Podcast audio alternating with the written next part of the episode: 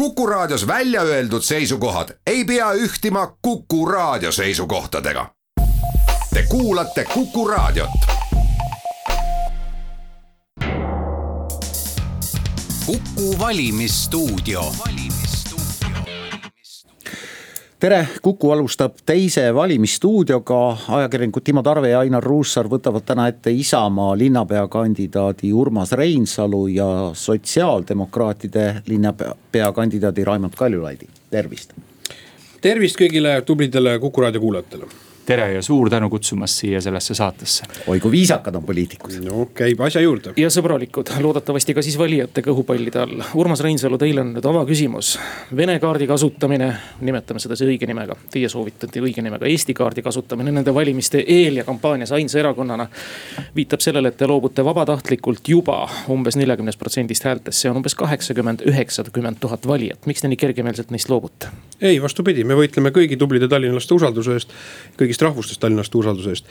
ja see, et Isamaa tõepoolest ainsa erakonnana selgelt ütleb välja, et äh, Tallinna linna tuleb juhtida eestimeelsete ja eesti keele väärtuste alusel. tähendab seda, et Tallinn on Eesti pealinn ja Eesti riik on võtnud vastu eesti keelepoliitika arengukava.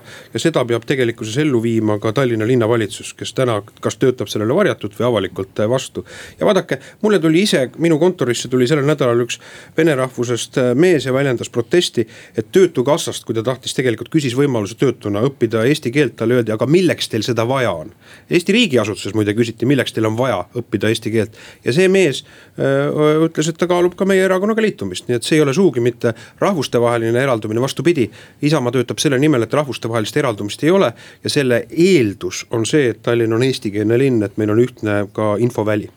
härra Kaljulaid, sotsid ja Keskerakond, kuhu te varem kuulusite, on ikkagi kogu aeg olnud seda vingerdamise meelt, et kolmkümmend aastat oleme vingerdanud, et noh, teeks natuke eesti keeles, teeks natuke vene keeles ja ma ei, ma ei mõista, millele te viitate antud juhul, palun, palun selgitage oma väidet. kas haridus peaks olema eestikeelne? Äh, sotsiaaldemokraatliku erakonna seisukoht on see, et, äh, et vene ja eesti lapsed peaksid õppima ühes koolis. Äh, mis keeles? Nii, kohe vastan sellele küsimusele, andke nüüd palun aega atra seada. ja, ja millest tuleb, millest peab aru saama, on see, et on vaja erinevat lähenemist lastele, kelle kodune keel on erinev aga põhimõtteliselt muidugi me kõik soovime seda, mina isiklikult soovin, sotsiaaldemokraadid soovivad seda. et kõik Eesti lasteaialapsed, koolilapsed õpiksid väga hästi selgeks eesti keele ja, ja, ja tuleksid meie riigis toime ja nad äh, saaksid realiseerida oma potentsiaali, see on väga oluline sotsiaaldemokraate ma käsitlen partneritena kindlasti selleks, et äh, Keskerakonna linnavõim kukutada. aga ma pean ütlema küll, et jah, Raimondi vastus on äh, võrdlemisi, ütleme siis elastne, viisakalt öeldes. ja see elastsus tähendab tegelikult seda, et ta on pigem sarnane Keskerakonna retoorikale. minu seisukoht on jah see, et Tallinna linnas me oleme välja töötanud eesti keele kaitseplaani, esitanud selle ka volikogu menetlusse. ja seisukoht on see, et Tallinna linnas peab tekkima selge kava, kuidas nii last, meie koolieelsed ja ja, ja kooliasutused viia üle eesti keelele. täna meil on olukord selles põhikooli tasemel, kus kaks kolmandikku Lasnamäe lastest on tegelikult, saab venekeelset haridust. meil ei ole ka kontrolli reaalselt selle üle, mis ka eesti keele õpe, mis tasemel on koolides, ka keeleamet on avaldanud muret selle üle. linn peab tegema koostööd riigiga, aitama riigipolitsei eesmärke realiseerida, see on kõigi linnaelanike, kõigist rahvustest linnaelanike, eriti noorte huvides. ja ma olen ka välja pakkunud selle, et Tallinna linnas võiks olla eraldi eesti keele kaitsega tegelev abilinnapea, minu kandidaat sellele ametikohal on eh, keeleekspert, endine professor ja keeleameti juht eh, härra Mart Rannut. kolmkümmend aastat pärast Eesti taasiseseisvumist jõuate te selleni, et meil peaks olema eesti keelega tegelev abilinnapea, see on jabur. just, see näitab selle olukorra jaburust, et me oleme midagi ühe inimpõlve jooksul jätnud tegemata see on muide kahte... ei ole kergendav, vaid raskendav asjaolu on ju, see on raskendav asjaolu ja selle eest vastutus lasub kõigil. nii, kui ma, kui ma tohin kahte asja veel võib-olla sellel teemal öelda väga lühidalt, punkt üks on see, et äh, teatavasti haridusministeerium. Äh, seal tegutseb töörühm, mis praegu on valmistamas ette siis sellist suuremat reformi, mis puudutab venekeelseid koole. me ei tea, mis on selle sisu, see töö peaks valmis saama novembriks ja siis esitatakse seda loodetavasti ka riigikogule ja ühiskonnale ja selle üle saab arutada. nii et kindlasti ootame ära kõigepealt, mis on siis valitsuse poliitika ja mis sealt tuleb. ja punkt kaks, mida ma tahan öelda, et jättes kõrvale selle hariduse küsimuse. et kindlasti saades linnavalitsusse, kui sotsiaaldemokraadid, ma ei tea, ehitavad kergliiklusteid, siis ehitavad nad neid kõigist rahvustest Tallinnast, on nad siis eestlased, venelased, ukrainlased, soomlased, rootslased. Eestis, Eestis elab, Eestis elab minu teada kahesaja rahvuse esindajaid. kui me äh, mõtleme selle peale, et meil oleks tasemel tervishoid, siis tahame me loomulikult, et sellest tervishoiuteenustest saaksid osa samuti kõigist rahvustest inimesed. Sellist asja, et me nüüd paneme ähm, äh, kergliiklusteele märgi, et siin ainult eestlased. no andke andeks, sellist asja kahekümne esimesel sajandil Tallinna linnas me ei tee. ja viimane asi, ühe lausega, vabandust väga, on see, et Tallinn on aastasadu olnud äh, linn, kus elab erinevast rahvusest inimesi. ja ta jääb selleks ka aastatuhandeteks. et uskuge mind, et pärast meid elab samuti Tallinnas erinevast hea raadiokuulaja, see, mida te praegu kuulasite, oli osaliselt demagoogia. aga olnud. kui tohib, kui tohib siiski, eks see käib ka poliitika tegemise juurde vahel, aga ei maksa Raimondit süüdistada, aga küsimus on selles, et mina ütlen nõnda, et loomulikult keegi ei kõnele ja ma olen Raimondiga nõus, loomulikult. et siin kõigile inimestele need teenused, mis on, peavad olema kättesaadavad, aga on üks põhiõigus, mis peab olema Eesti riigis eestlasel kättesaadav ja see on see, et avalikud teenused ja teenuste osutamine eh, peab olema inimestel õigus saada neid teenuseid eh, eesti keeles ja seda tuleb tegelikkuses kontrollida, see on esimene. ja teine küsimus, mis puudutab nüüd olukorda, et eh, Ainar osundas sellele, et kolmkümmend aastat. Karandža, kes, kes ei tea, siis legendaarne vene kooli direktor kes on Vene saadiku pildi, nagu lehed kirjutavad, endale kooli fuajeesse riputanud. tema sai esimest korda nõuetekohase, Eesti riigis nõuet, mitte nõuetekohase keeleoskuse eest, oskamatuse eest trahvi juba üheksakümne seitsmendal aastal. kakskümmend neli aastat on ta neid trahve saanud ja eh, mis juhtub, linnavalitsus saab sunniraha, et hoiab seda onu ametis. ja linnavalitsus maksab selle sunniraha kinni Tallinna linna maksumaksja rahadest ja rong viireb, veereb edasi. niisugused mehed tuleb saata eh, viivitamatult kohe öelda, et leidke endale uue rakenduse tõmmata joon vahele. me läheme siinkohal kirgliku keeleküsimuse juurest väikesele rahunemispausile. kuku valimisstuudio kuusteist minutit on kell üle keskpäeva, Kuku valimisstuudio jätkab, stuudios on Raimond Kaljulaid, sotsiaaldemokraatide Tallinna linnapea kandidaat Urmas Reinsalu, Isamaa erakonna linnapea kandidaat ja ajakirjanikud Ainar Ruussaar ja Timo Tarve. plats puhtaks see on ju agressiivne ja isegi solvav loosung, härra Reinsalu. keda see solvab, Ainar, täpsustame ma ei tea, plats puhtaks, noh, see kõlab nagu natuke natsistlikult. ei, vastupidi, plats puhtaks on positiivne ülesehitav loosung, mis ütleb seda, et me vajame, et Tallinna linna juhitakse põhimõtteliselt teiste väärtuste alusel. ja need väärtused on eestimeelsus, eestikeelsus, aus linna juhtimine. et meil Keskerakond kasutab seda retoorikat, et jah et äh, ainuvõim on tegelikkuses efektiivne, nad võivad otsuseid vastu võtta, ma väidan, vastu ei ole. see ainuvõim on näidanud, et see on muutunud totaalselt korruptiivseks. see ainuvõim on näidanud tegelikult seda, et ta on ka käpardlik, kui me vaatame näiteks Tallinna linnahalli, mis on selle sümbolina siiamaani korda tegemata üle kümne aasta suletud.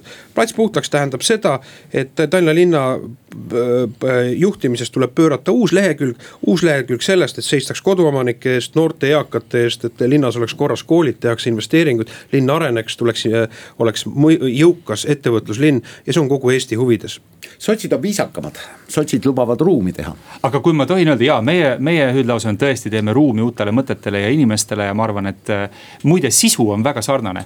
aga kui ma korraks võin oma linnapeakandidaadi mütsi võtta peast ära ja, ja rääkida hoopis inimesena, kes on teinud oma elus mõned valimiskampaaniad. minu meelest Isamaast väga hea käik või nagu Keskerakonna loosungit kasutades, õige käik oli see plats puhtaks loosung jälle välja võtta. et minu meelest see on, see on kihvt, see on natuke retro äh, ja, ja see, see on äge mõte. ja, ja ma tahan veel veel öelda, siin on tegelikult on, on väga hästi võimalik leida ka teatud ühisosa. plats puhtaks, ma arvan, selle all kindlasti Isamaa peab silmas ka linna heakorda. see, et meil oleksid äh, korras haljasalad, et meie pargid oleksid korras, et meie teed oleksid korras. koht, kus meil veel on ju Isamaaga suur mm, ühisosa, puudutab kõnniteede hooldust talvisel ajal. nii meie kui Isamaa seisame ju selle eest, et äh, see kohustus tuleks omavalitsusele, mitte ei vastutaks selle eest iga kinnistu omanik ja loomulikult see tähendab seda, et peabki platsi puhtaks lükkama see omavalitsus juba koidikul, et kui tööinimene läheb tööle, siis ta saab mööda kõnniteed kõndida. nii et selles mõttes teeme ruumi uutele mõtetele, inimestele plats puhtaks, ma ütleks, et, et me oleme äh, Isamaaga siin tabanud äh,, tabanud minu meelest seda ajastu vaimu päris hästi üldised põhimõtted on teada ja neid te olete ka väga usinasti reklaaminud, mille eest loomulikult kiitus teile. mina olen keskmine tallinlane, kes muretseb nii enda perekonna kui oma pensionieas vanemate pärast, muretseb väga elektri hinna pärast ja muude aina tõusvate kulude pärast Taavi Veskimägi, endine Isamaa mees, ütleb, et Eesti üha jõukam tarbija kannatab kallima elektri kindlasti välja, sellest ta juba saab koslepit erinevates kommentaariumides. aga tegelikult reaalselt te olete nii-öelda koduomaniku linnana selle oma nii-öelda ühe valimispunkti sõnastanud. kuidas teha niimoodi, et pensionieas inimesed saaksid ikkagi selle talve üle elatud nende elektrihindade juures ja muude kommunaalhindade juures? valitsus peab äh, äh, silmad lahti tegema, üles ärkama. ja see jutt, et midagi ei ole võimalik teha, mida paraku proua peaminister ja, ja, ja, ja härra majandusminister ütlevad, ma ei ole sellega absoluutselt nõus. Äh, mul on konkreetne plaan, Isamaal on konkreetne plaan, me anname ka järgmisel nädalal veel sellekohase eelnõu üle. et miks elektri hind on tõusnud, elektri hind on sellepärast tõusnud, et CO2 saastekvootide hind on turul tõusnud, aga kuhu see raha läheb? see raha ei lähe kuhugi kosmosesse, see raha jõuab riigieelarvesse. ja tegelikkuses piisab sellest, et riigi, et parlament võtab vastu seaduse seadusemuudatuse ja suunab tegelikult selle äh, kõrgema äh, üle saja kahekümne miljoni euro, mis meilt äh, elektritarbijatelt võetakse. et suunab tegelikult sellest rahast sihtotstarbeta vahendid taastuvenergia tasude kompenseerimiseks. nõnda, et meil põhimõtteliselt oleks võimalik teha nõnda, see ülelaekunud raha, mis sel aastal tuleb, järgmisel aastal taastuvenergia tasu oleks kõigile tarbijatele null. ja see on täiesti kuluneutraalne tehing, nii et see on konkreetne ettepanek. lisaks sellele on tõesti Isamaal olemas koduomanike plaan, ühte programmipunkti punkti, mis meil on sotsiaaldemokraatidega samane, tutvustas siin Raimond. mis puudutab, eh, et koduomanikud ei peaks enam linnatänavate sundkoormist eh, täitma. aga kindlasti on äärmiselt oluline jätkata eh, ka, toetada ka eramajade renoveerimist, kortermajade energiasäästlikuks muutmist. ja mis on väga oluline, et meil on probleem kindlasti selles, et noortel inimestel, kui vaadata kinnisvarahindade tõusu, oma kodu soetamises, et kindlasti minu hinnangul noorte mere, noorte perede mm, koduprogrammi peaks Tallinna linn käivitama, et anda ka võimaluse eh, noortele peredele eh, oma kodu omanikuks olla. ja mis on hästi tähtis, on see, et Tallinna linnas me oleksime vastu põhimõtteliselt sellele igasuguste erinevate maksude ja koormiste tõusule. Eh, valitsus on algatanud juba maamaksu tõusu eelnõu, nõnda edasi, nõnda edasi, oleme sellele vastu. ja Tallinn aitab, nagu Edgargi omal ajal, aga Raimond, lasteaia kohatasud üürat. hea küll, teisel kaotati see nüüd ära valimiste eel, saame aru, aga seitsekümmend eurot on ka, ütleme keskmise sissetulekuga perekonnale päris palju. lisame juurde huviringid ja kooli, ühesõnaga. ega meil tasuta nõus. haridust ka ei, ei ole, töövihikud ju maksavad. ja, ja, äh, olen nõus, seda sammu, et teisest lapsest alates ei ole enam lasteaia kohatasu Tallinnas, seda ma kindlasti tunnustan. sotsiaaldemokraadid hääletasid selle poolt, volikogus toetasid seda.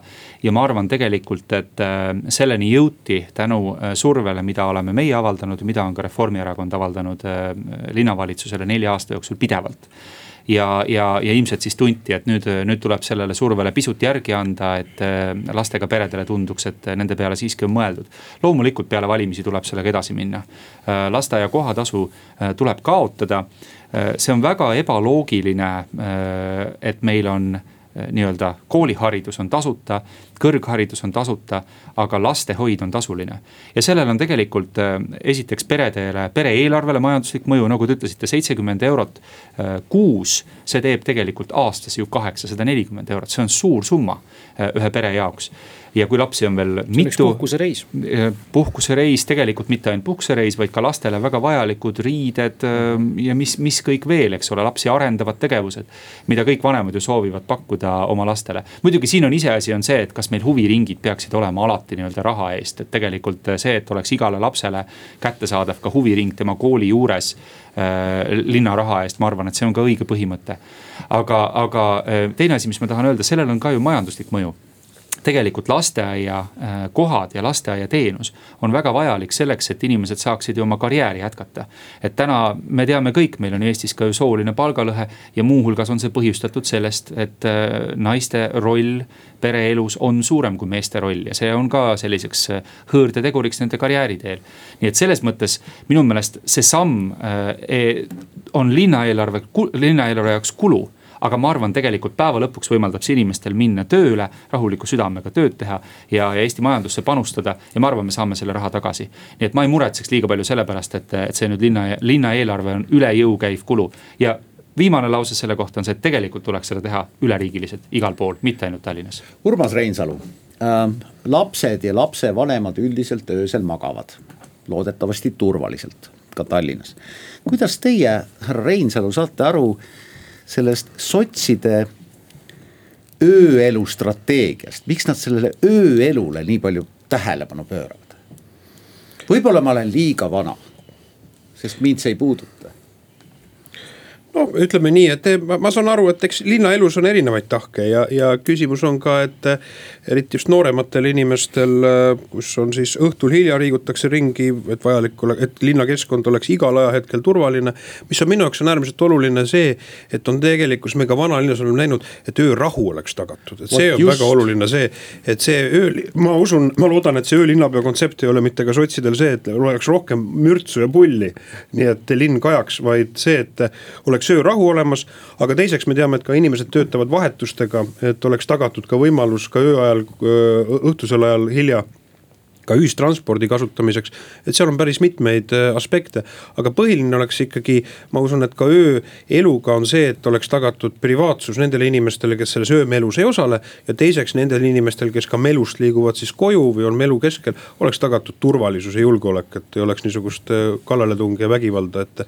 ma usun, need võiksid olla need aspektid, et kui sotsid äh, on neid aspekte, keskenduvad öö, linnapea öömajanduse mõttes, siis siis ma arvan, et meil on, ütleme tulevases Keskerakonna vabas koalitsioonis oleks täitsa võimalik nende küsimuste üle, ma oleksin täitsa avatud arutama. sotside linnapeakandidaat saab kohe sõna, aga nii Telliskivi linnakust kui ka Schnelli pargist olen lugenud, lugenud viimase aja politseiteadetest, et seal saab tappa öösel. ja äh, kõigepealt ma tänan Urmast, äh, ta on äh, väga täpselt pihta saanud, mis on meie ööstrateegia põhisisu et äh, loomulikult äh, osa sellest on nii-öelda linnakultuur ja, ja kultuurielu linnas ja see on oluline, sest et kui Tallinn tahab olla rahvusvaheliselt konkurentsivõimeline, edukas linn. noortele atraktiivne linn, siis peab siin olema ka öisel ajal midagi teha, sest vastasel juhul lihtsalt need. Eh, nii meie enda Eesti päritolu talendid kui ka talendid, keda me tahame siia tuua, valivad mõne teise linna, kus on lõbusam. aga samas, mida Urmas Reinsalu ütles saja protsenti õigesti, need inimesed, kes tahavad magada, nad peavad saama magada. ja võtame näiteks seesama näide, Tallinna linnavalitsus ju keelas keelas ära alkoholimüügi kella kolmest alates. kõik need kortermajad, kus on külaliskorterid ja kes elavad kesklinnas või Kalamajas või, või nendes piirkondades, kus neid on rohkem. Tunnevad varsti selle mõju, see tähendab seda, et inimesed, kes võib-olla muidu oleksid äh, kella kuueni hommikul kuskil maa all klubis pidutsenud, tulevad nüüd nendesse külaliskorteritesse pidu panema. mina keelaks Airbnb ära. see on eraldi teema, muide, kusjuures sellest võib ka rääkida. mis puudutab kiirelt, ütlen Telliskivi, Telliskivis on kord käest ära seda oleks tulnud ette näha, et kui piirangud võetakse maha, siis pikalt nii-öelda kodus istunud äh, noored äh, vallutavad selle ala. see, et ausalt öeldes siin isegi ma ütleks Tallinna linnavõim linnavõimuks, see, et ka Eesti politsei laiutab käsi ja ütleb, et meil pole midagi teha, eks ole, see on, see on absurdne. aga põhimõtteliselt jah, see, mis Urmas Reinsalu rääkis, on õige, see on öisel ajal tervishoiu kättesaadavus, tänasel hetkel tegelikult ka seesama lastega pere, kui on lapsel kõrge palavik. ainus võimalus kiirabi või minna EMO-sse, tegelikult meil peaks olema perearstiteenus kättesaadav ka öisel ajal, ka nädalavahetuseti. aga ta ongi ju ta ei ole. perearsti abitelefon. abitelefon on üks asi, aga teine on see, kui sul on ikka tõesti vaja, vaja meditsiinilist abi, siis telefoni teel sa ei saa seda osutada. see on transport, absoluutselt õige, Tallinn, ma arvan, on täna nii kaugele jõudnud, et öötransport võiks meil olla ka nendele inimestele, kes töötavad öösel.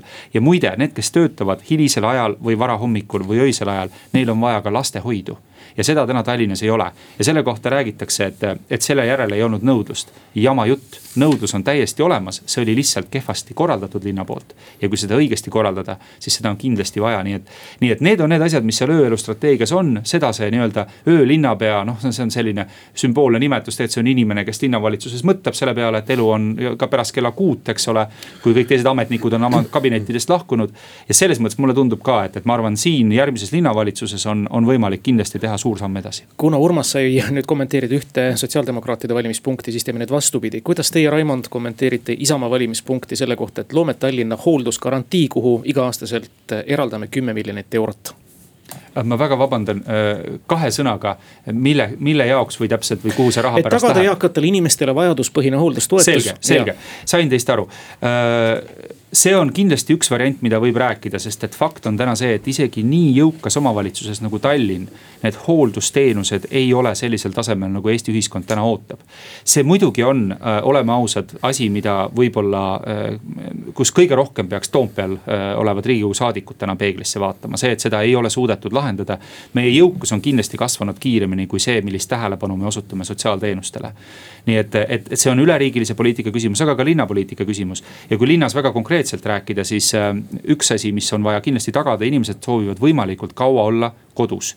ja need teenused kõik, mis võimaldavad seda kodus võimalikult kaua olemist, need on erakordselt tähtsad, need peavad olema linnapea ja, ja linnavalitsuse töölaual iga nädal teine punkt puudutab hooldekodusid, et täna ma arvan, nii Iru hooldekodu tuleb edasi arendada, kui ka tegelikult Tallinn peaks hakkama juba täna mõtlema selle peale, et rajada veel üks uus hooldekodu. ja kolmandaks äh, on ka erasektoris olulisel määral sellist soovi, initsiatiivi sellesse valdkonda rohkem panustada. ka siin peaks äh, linn minu meelest erasektorit rohkem usaldama, erasektoriga koostöös mõtlema ka selle peale, noh et ma toon lihtsalt näite, et tõenäoliselt suurt uut hooldekodu Põhja-Tallinnasse kusagile rajada, noh ma ei, ma ei kujuta hästi ette, kuidas seda saaks teha.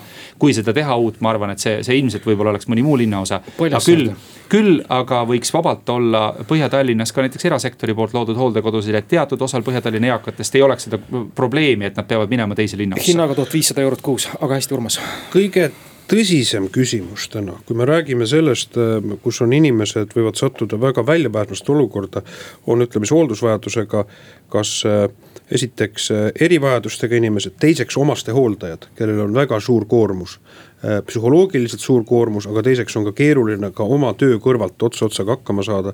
ja kolmandaks on seesama küsimus, et ei saa sattuda ikkagi pere, kui tekib olukord, kus äh, kas eakas või erivajadustega inimene vajab hooldust kas kodus või siis hooldekodus, sattuda sisuliselt vaesusriski. ja kohaliku omavalitsuse ülesanne, see, mida Tallinn selgelt on jätnud tegemata ligi miljardi eurosest eelarvest suurusjärgus, on hoolekande küsimused Ho.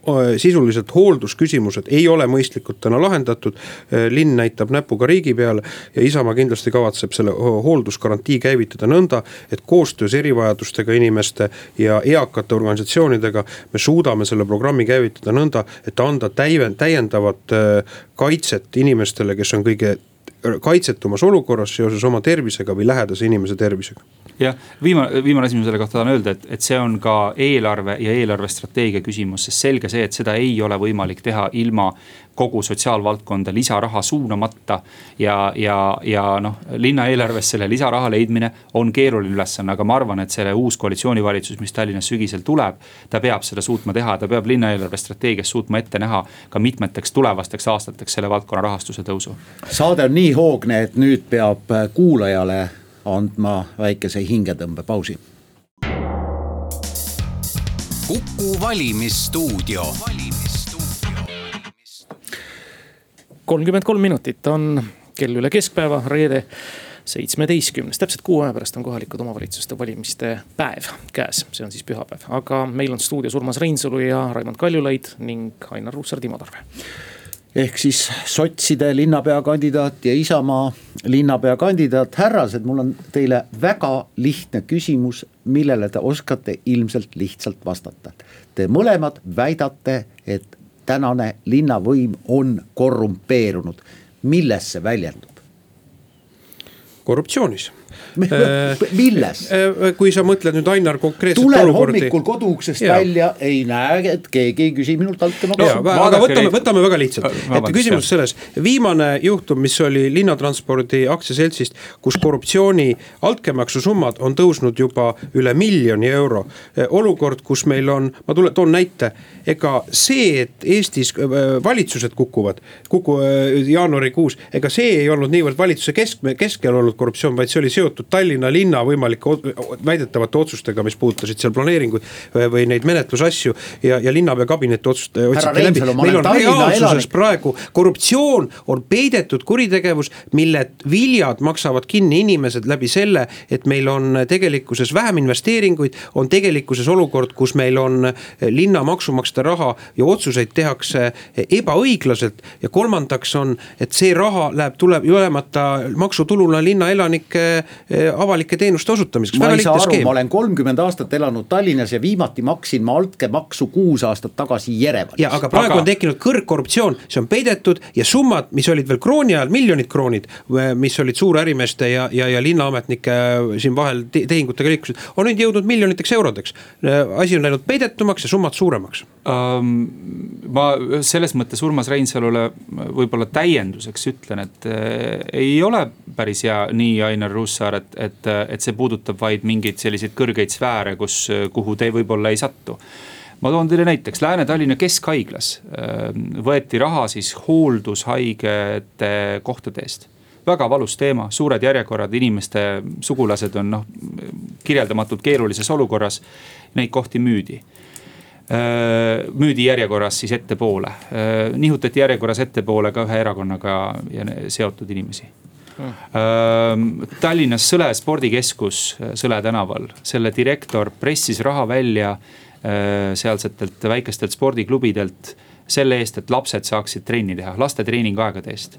viidates sellele, et tal on linnavalitsuse poolt seal ühe linnavalitsuse liikme, kes on väga aktiivne ka spordivaldkonnas ja kelle spordiklubisid rahastatakse ka linna eelarvest muide, eraldi reaga, täiesti erandlikult. et tal on tema poolt nii kõva surve, et need ajad tuleb kõik anda selle abilinnapea spordiklubide, spordiklubidele. et pole midagi teha, vot, aga kui te mulle natuke maksate, vot siis ma nagu niimoodi pean vastu. härra Kaljulaid, teil ikka advokaat on ei, aga selle konkreetse inimese, vabandust, selle, selle konkreetse inimese me andsime üle väga tublidele inimestele Keskkriminaalpolitseist. kes äh, tulid äh, niimoodi, kuidas äh, nagu venelased ütlevad, tegid talle maski show ühel päeval viidi ta sealt spordikeskusest minema, süüdist-, tunnistas ennast kohe ka kohtus süüdi. aga on minu teada leidnud kuskil mujal ühes teises omavalitsuses muide samasuguse töökoha, mis on no hämmastav lugu. aga võtame võib-olla väga lühidalt, mida tuleb teha, et see olukord paraneks, mis on tegemata siiamaani saanud teha. ma arvan, et õige on see, mida Urmas Reinsalu ütleb, et see ainuvõim on probleem. Äh, kui seda ei ole, on kohe olukord parem teiseks tuleb ära tuua linna sisekontroll täna linnapea alluvusest, tuleb tuua nii nagu natuke sarnaselt riigikontrollile, tuleb tuua volikogu juurde ja nii, et linna sisekontrolli juhti peab kinnitama, ma ei tea, a la kaks kolmandikku volikogu liikmetest. et ta ei ole ühegi partei inimene nii-öelda ja tuleb anda sellele sisekontrollile vahendeid juurde. ja kolmandaks linna äriühingud, sihtasutused mille nõukogud täna moodustatakse erakonna ühe, sellesama linna juhtiva erakonna tagatoas. ja siis juhid pannakse paika samuti seal tagatoas. nii busside kui Tallinna soojuse kui muude asjade puhul on see täpselt nii tehtud.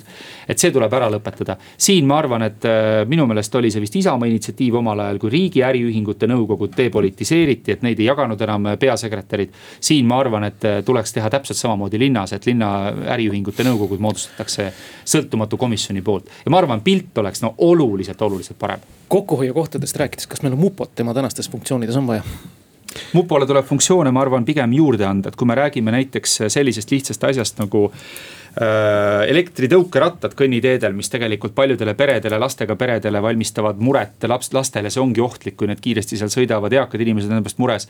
ma arvan näiteks, et nende üle järelevalve teostamine, nende kiiruse kontroll, parkimise kontroll võiks vabalt olla täiendavalt veel munitsipaalpolitsei pädevuses. kui raadio näitaks pilti, siis äh, oleks raadiokuulaja näinud Reinsa-, Reinsalu pearaputust ja sellepärast, et Eh, mina ütlen nõnda, et kui meil on see Keskerakonna ainuvõim praegu Tallinnas ja nad on aastaid taotlenud seda, et näiteks inimesi kinni pidada, inimesi läbi otsida, eh, käsi raudu panna, kehaõõnsusi läbi otsida, niisuguseid õigusi. ei tee seda ju. see ei tee, aga Tallinna linn on taotlenud neid pädevusi eh, juurde ja ma väidan julgelt, et, et kui on see ainuvõim on näidanud, et ta ei suuda nii-öelda süütumates asjades tegelikkuses seadust täita ja seadustest kinni pidada, siis anda veel juurde õigus nii-öelda füüsilist jõudu kasutada inimeste suhtes, ma olen kategooriliselt selle sellega vastu. ma olen väga nõus äh, Urmas Reinsaluga, et seda see, kindlasti ei tohiks teha. mis jah. puudutab nüüd tegelikult linnas nagu turvalisuse tagamist. Äh, ma arvan, et ilma nende drakooniliste pädevuste juurdeandmiseta,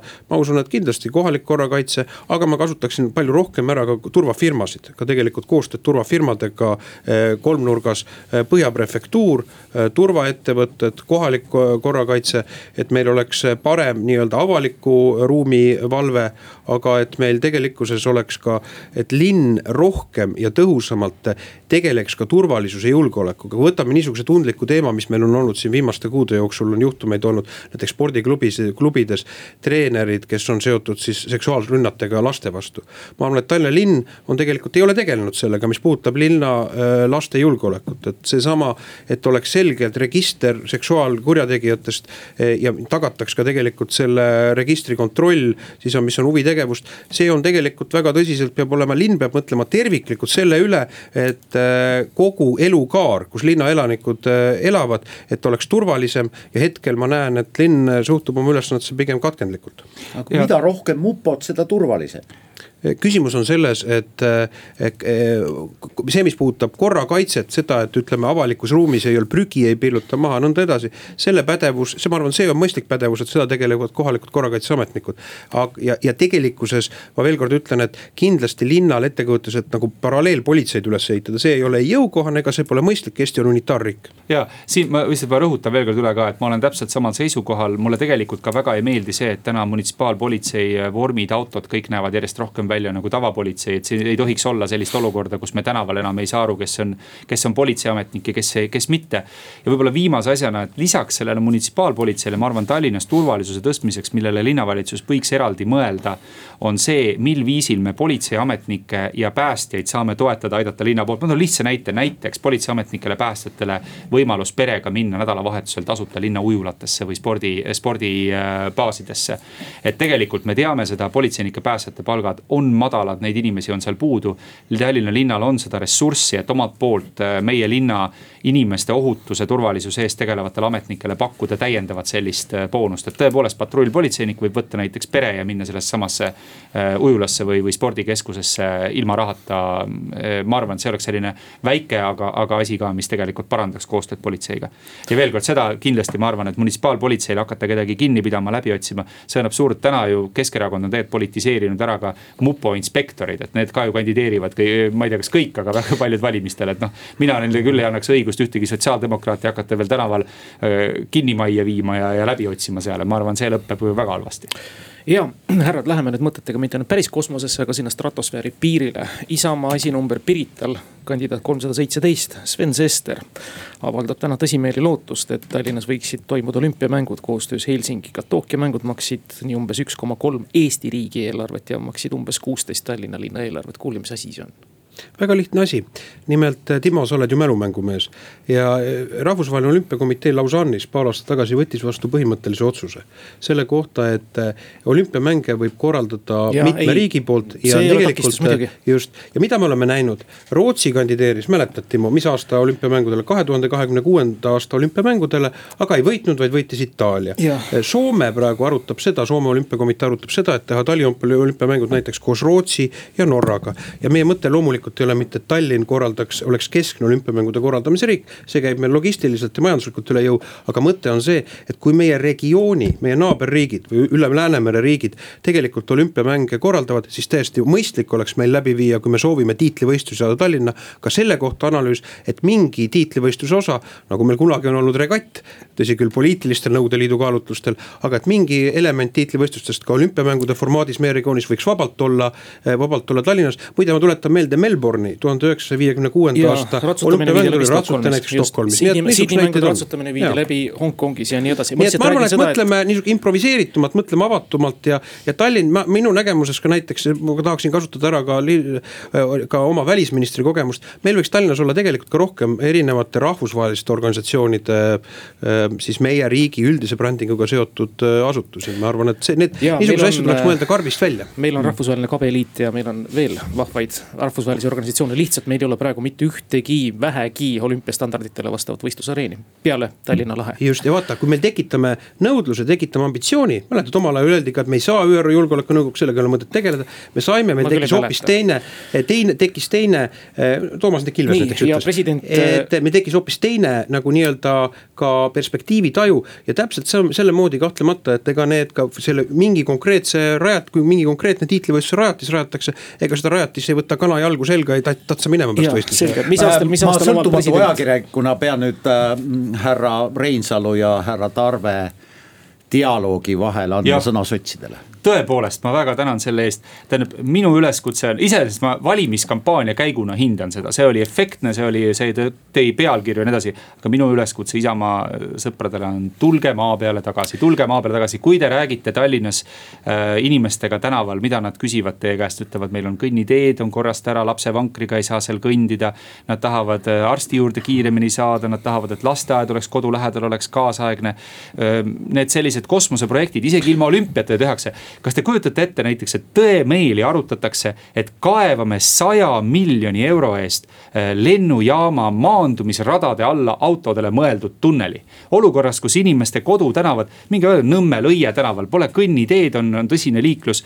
Äh, Põhja-Tallinnas mitmed väiksed tänavad, kus on lasteaiad, pole kõnniteed. meil pole raha, et teha seda kõnniteed korda ja räägime sada miljonit eurot, kaevame tunneli, et saaks lennujaama alt läbi sõita. Et... Raimond, Pariisis on kesklinnas seeni jõe all tunnelid, aga ah. äärelinnas elavad inimesed vaesuses, täpselt sama Londonis. aga meil, aga meil ei ole kõnniteid isegi kesklinnas, kui te lähete kesklinnas Herne tänavale, seal ei ole võimalik kõnniteel mitte lihtsalt äh, lapsevankriga või, või ratastoolis liikuda, sest et seal on üks trepp ees. vaid seal ei ole võimalik kõndida isegi lihtsalt tavalisel äh, nii-öelda jalakäijal. nii et, et, et, et, et ma ütlen teile ausalt, kohati mulle tundub küll enne valimisi poliitikud lähevad natuke hulluks, lubavad suuri asju, siis peale valimisi peab iga hinna eest selle eelarvesse sisse suruma. ja siis avastataksegi, et pole raha, et ma ei tea, osta mm. lasteaias lastele tualettpaberit, vanemad peavad seda lasteaeda ise tooma. see on muide rangelt ära keelatud praegu. kuulge, aga siis ma ühe ulmelise idee tulistan vastu, oleme kokku leppinud, et president Reinsalu avab kahe tuhande neljakümne neljandal aastal hiljemalt Tallinna olümpiamängud. Äh, millal avab linnapea Raimond Kaljulaid nudistidele, ainult nudistidele mõeldud ranna?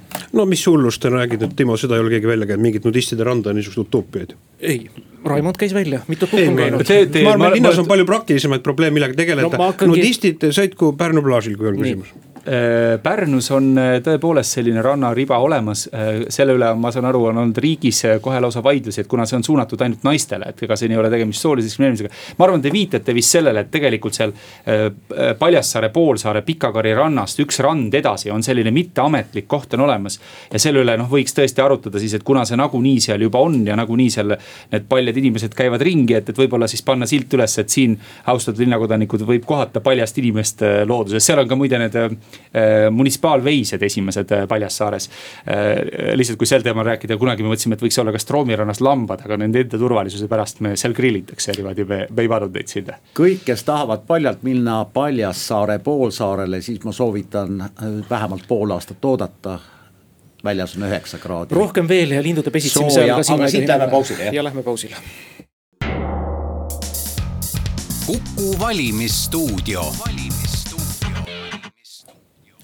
Isamaa linnapea kandidaat pealinnas Urmas Reinsalu ja sotside linnapea kandidaat pealinnas Raimond Kaljulaid Kuku stuudios, valimisstuudio viimast veerandit sisustamas. Timo Tarve ja Ainar Ruussaar ajakirjanikena aitamas täna on reede, oleks sotsid praegu linnas võimul, siis me praegu seda saadet ei teeks, vaid raadios koostuks muusika. ehk siis teie programm neljapäevase töönädala ja kodanikupalga pilootprojekti kohta. kuidas te seda endale, endale ette kujutate? see on mingi nali?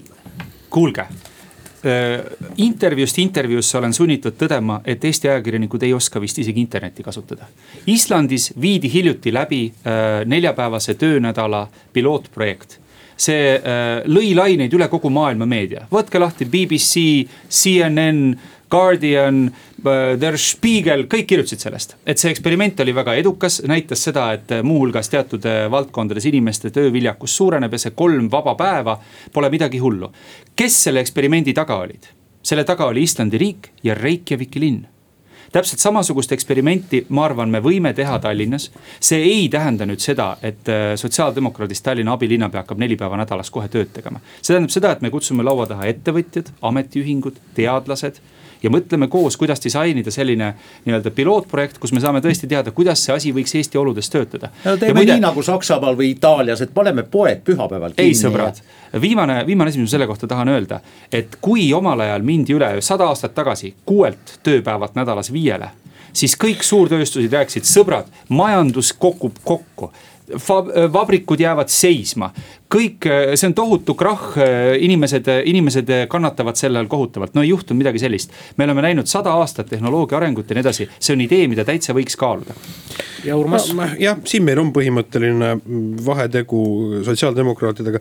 meie programmi fookus on tegelikult ikkagi selles, kuidas jõukust kasvatada, kuidas tegelikult tuua uusi välisinvesteeringuid linna, kuidas kiirendada planeerimismenetlust, kuidas inimestel oleks tasuvamad töökohad, palgad. kuidas meil tekiks niisugune, me oleksime noh, nii-öelda tõesti Euroopa üks ka majanduskeskkonna niisugune digi, digikeskus, kus me Tallinna linnastu looks ka kogu Eesti riigile rohkem jõukust juurde. aga nüüd küsimus sellest, et ja, ja, ja ega meie arusaam on ikkagi see, et eks läbi töö tegemise, läbi mõtestatud töö tegemise tuleb jõukus. et ma päris täpselt ei saa aru, et kutsuda ettevõtted kokku ja öelda neile, et on ettepanek, et teie töötajad enam tööta, ei, tööta osaaega. et siis tegelikult see jõukus kasvab, ma arvan, et ettevõtetel on täna ka õigus, kui nad ütlevad, et nad kohustavad inimesi vähem tööd tegema, siis selles on nende enda valik ja see on vabas majanduses ei pea seda eraldi võetuna kuidagi korraldama. aga räägib riigikogu liige, kellel endal on neli tööpäeva ainult nädalas. aga selge on see, et mm, ära karda, Raimond, ma töötan seitse päeva nädalas, et selle minu töötund ei loe. aga küsimus on selles, et eh, nüüd kui tähendab see neli päeva nädalas, see tähendab tegelikult seda, et siis on ka reedeti sisuliselt suletud linna eh, avalikud teenused, neid ei osutata ja see kindlasti jälle omakorda nendele tööinimestele, kes tahaksid ka eh, avalikke teenuseid kätte saada, see kindlasti olukorda halvendab. nii et ma ütlen nõnda, et kui see on hind et Keskerakonna linnavõim kukutada ja sotsiaaldemokraadid ei lähe mitte Keskerakonnaga, vaid tulevad koos Isamaa ja teiste opositsioonijõududega ühinenud opositsioonis linna juhtima. siis ma ütlen selle pilootprojektiga, et ma ei tea, teeme Kuku raadioga selle kokkuleppe, et reedel saateid ei ole. ma selle riski olen isegi valmis võtma, sest see Keskerakonna ainuvõimu võtmine, seda kaalu ma olen valmis tegema. paneme siis klassikalist muusikat või laseme ilusaid Eesti äh, laule siin siis. andke andeks, ma pean sekkuma, ka täna töötavad äh, linnaasutused nädalavahetuseti äh, ja seitse päeva nädalas meie spordikeskused ja nii edasi. see ei tähenda seda, et, et me paneme linna kinni kolmeks päevaks nädalas, see on joga jutt. ei ole joga jutt Raimond. me räägime, me räägime, me räägime tõepoolest pilootprojektist, me räägime sellest, et Tallinn võiks olla see, kes aitab seda asja, nii nagu Reykjaviki linn koos Islandi valitsusega seda tegi. teha seda projekti, vaadata, kuidas Eesti oludes, mis, mis tulemusi ta annab ja teha sellest järeldusi. olge nüüd mureta ja, ja, ja kindlasti ma olen veendunud, et Urmas Reinsalu ei tööta mitte seitse, vaid töötab üheksa päeva nädalas, teda on nii palju meedias näha ka tänu sellele. et ühesõnaga, mis ma tahan öelda, on see, et, et ma arvan ka, et, et see, see ei ole nii hirmus asi kui, kui võib-olla siin praegu äh, kolleeg maalis. no mis ta hirmus on, aga jõukus ei tule, ma ütlen ausalt, Raimond, reedan sulle saladuse. mis kasu on sellest jõukusest, kui see inimeste heaolu kuidagi ei paranda. kuule, aga Raimond, te lubate ühe käega, lubate tohutut äh, romant-, kõrgromantiseeritud rahapakke inimestele ja tasuta asju. ja teise käega ütlete ja see võti, kuidas seda jõukust tekitada Tallinna linnas, on tehke vähem tööd. ei lähe kokku kaks asja otsaga, ma lihtsalt ütlen esimese klassi poisihariduse tasemel. see Islandi ja Reykjaviki eksperiment näitas seda, et on teatud sektoreid, kus inimesed neli päeva nädalas tööd tehes teevad ära rohkem kui viie päevaga. ja nad olid väga õnnelikud selle üle ka, mul on see uudis meeles. absoluutselt aga Isamaa üks Näed, programm. üks ajakirjanik ikka oskab internetti kasutada mm.. ime oskab, ma isegi tean, kes selle programmi taga olid. enne aga... valimisi ajakirjanikke solvata on väga ohtlik tee. tahaks küsida nüüd, erastame osalusi linnale kuuluvates äriühingutes. Urmas Reinsalu, kas me nüüd laseme jälle kommunaalteenuste hinnad taevasse? Tallinn just ostis endale veeosaluse tagasi, ütleme Tallinna linnatransport anda ära, hakkab jälle pilet kehtima, see ei ole populaarne ei, vastupidi, linn, tähendab riik on regulaator, mis puudutab ka Tallinna vee hinda. ajal, kui Tallinna Vee aktsionär oli, tõsi küll, vähemusaktsionär oli Tallinna linn, kuna ta tahtis omaniku tulu saada. teda ei häirinud sugugi see, et Tallinna linna inimesed maksid ülemäärast äh, vee hinda. vastupidi, Isamaa ütleb tegelikult seda, et ja on ka ettevõtjad pöördunud kohtusse ülemäärase võetud kümnete miljonite eurode eest on võetud Tallinna inimestelt ja ettevõtjate ebaõiglaselt vee hinda. tegelikkuses tuleb see hoopis äh, kompenseerida linna, äh, seda Tallinna Vee poolt. Äh, see, mis puudutab nüüd, et kas Tallinna linn peaks olema hambakliiniku omanik, ei pea olema. hambaid parandavad arstid, teevad seda erapraksise kaudu. Äh, nendes küsimustes, mis kehtestab, kehtestab linn hinna, olgu ta, kui jätkub ühistransporditeenus siis ilma, tasuta inimestele või olgu ta siis vee hinnateenus. regulaator määrab need hinnatasemed, küsimus on, et operaator ei pea olema kohalik omavalitsus, seda me usume küll, et nii-öelda munitsipaalkapitalismi fännid äh, meie Isamaas ei ole kui ma lühidalt võin öelda, et ma arvan, et siin tuleks vaadata, mis äriühingutest konkreetselt on jutt. kunagi ei saa välistada seda, et tõepoolest ajad on muutunud, mingi teenus, mis kunagi tundus, et peab tingimata olema linna portfellis, täna sobiks erasektori portfelli rohkem või vastupidi. muide, mis hambapolikliinikut puudutab, siis selle juht muide on ka üks Keskerakonna volikogu liige, kes siis niimoodi saab väikest palgalisa, et. et selleni ulatub see nii-öelda Keskerakonna verti-, võimuvertikaal. aga näiteks ühistransport, mida saatejuht puudutas, seal võiks ju küll küsida seda, et täna see on korraldatud Tallinnas nii, et Tallinna linn ostab liiniveoteenust ühelt ettevõttelt, mis kuulub samuti linnale. ja seda juhib loomulikult ka inimene, kes on Keskerakonna tagatoas paika pandud. et kas see süsteem on efektiivne, et maailmas on linnu, kus näiteks seda liiniveoteenust osutavad ka eh, eraettevõtted. ja, ja seda võiks täiesti analüüsida, et kas sellisel juhul me saaksime näiteks selle liiniveo kilomeetri hinna alla. ja tänu sellele liinivõrku kaasajastada, panna täiendavaid busse, täiendavaid liine. nii et, et selles mõttes sellest asjast rääkimine, ma arvan, täitsa asjalik mõte. Tallinna liinivõrk on kehvakene, uuselamurajoonid võtame Pirital, võtame ühendust tegelikult Kaku, Kakumäega, võtta linna keskmes, võtame ühenduse tegelikult ka seda, et näiteks eh, Linnutee, Mustamäe tee vaheline trass. mul on kümneid kus, kohti, kus ma olen üles märkinud, praegu on inimesed kirjutavad, eh, väljendavad muret, et liinivõrk ei arvesta tegelikult inimeste liikumistrajektooridega. seda on räägitud, kuulge nüüd härrased, kummagil on täpselt üks tasuta reklaamiminut, kasutage seda, alustame Raimondist ma tänan, mina arvan, et need on hästi olulised valimised, mis üksteist kuni seitseteist oktoober Tallinnas on. ja ma arvan, et tõepoolest see on see võimalus, kus me võime saada Tallinnale tubli tööka koalitsioonivalitsuse. ja ma arvan, et, et kõik valijad võiksidki mõelda selle peale, keda nad tahavad selles valitsuses näha ja millistest põhimõtetest, väärtustest lähtudes nad tegutsevad, need erakonnad. me oleme öelnud, meie jaoks üks olulisemaid küsimusi on meie linnaruum, miks see loosung on, teeme ruumi.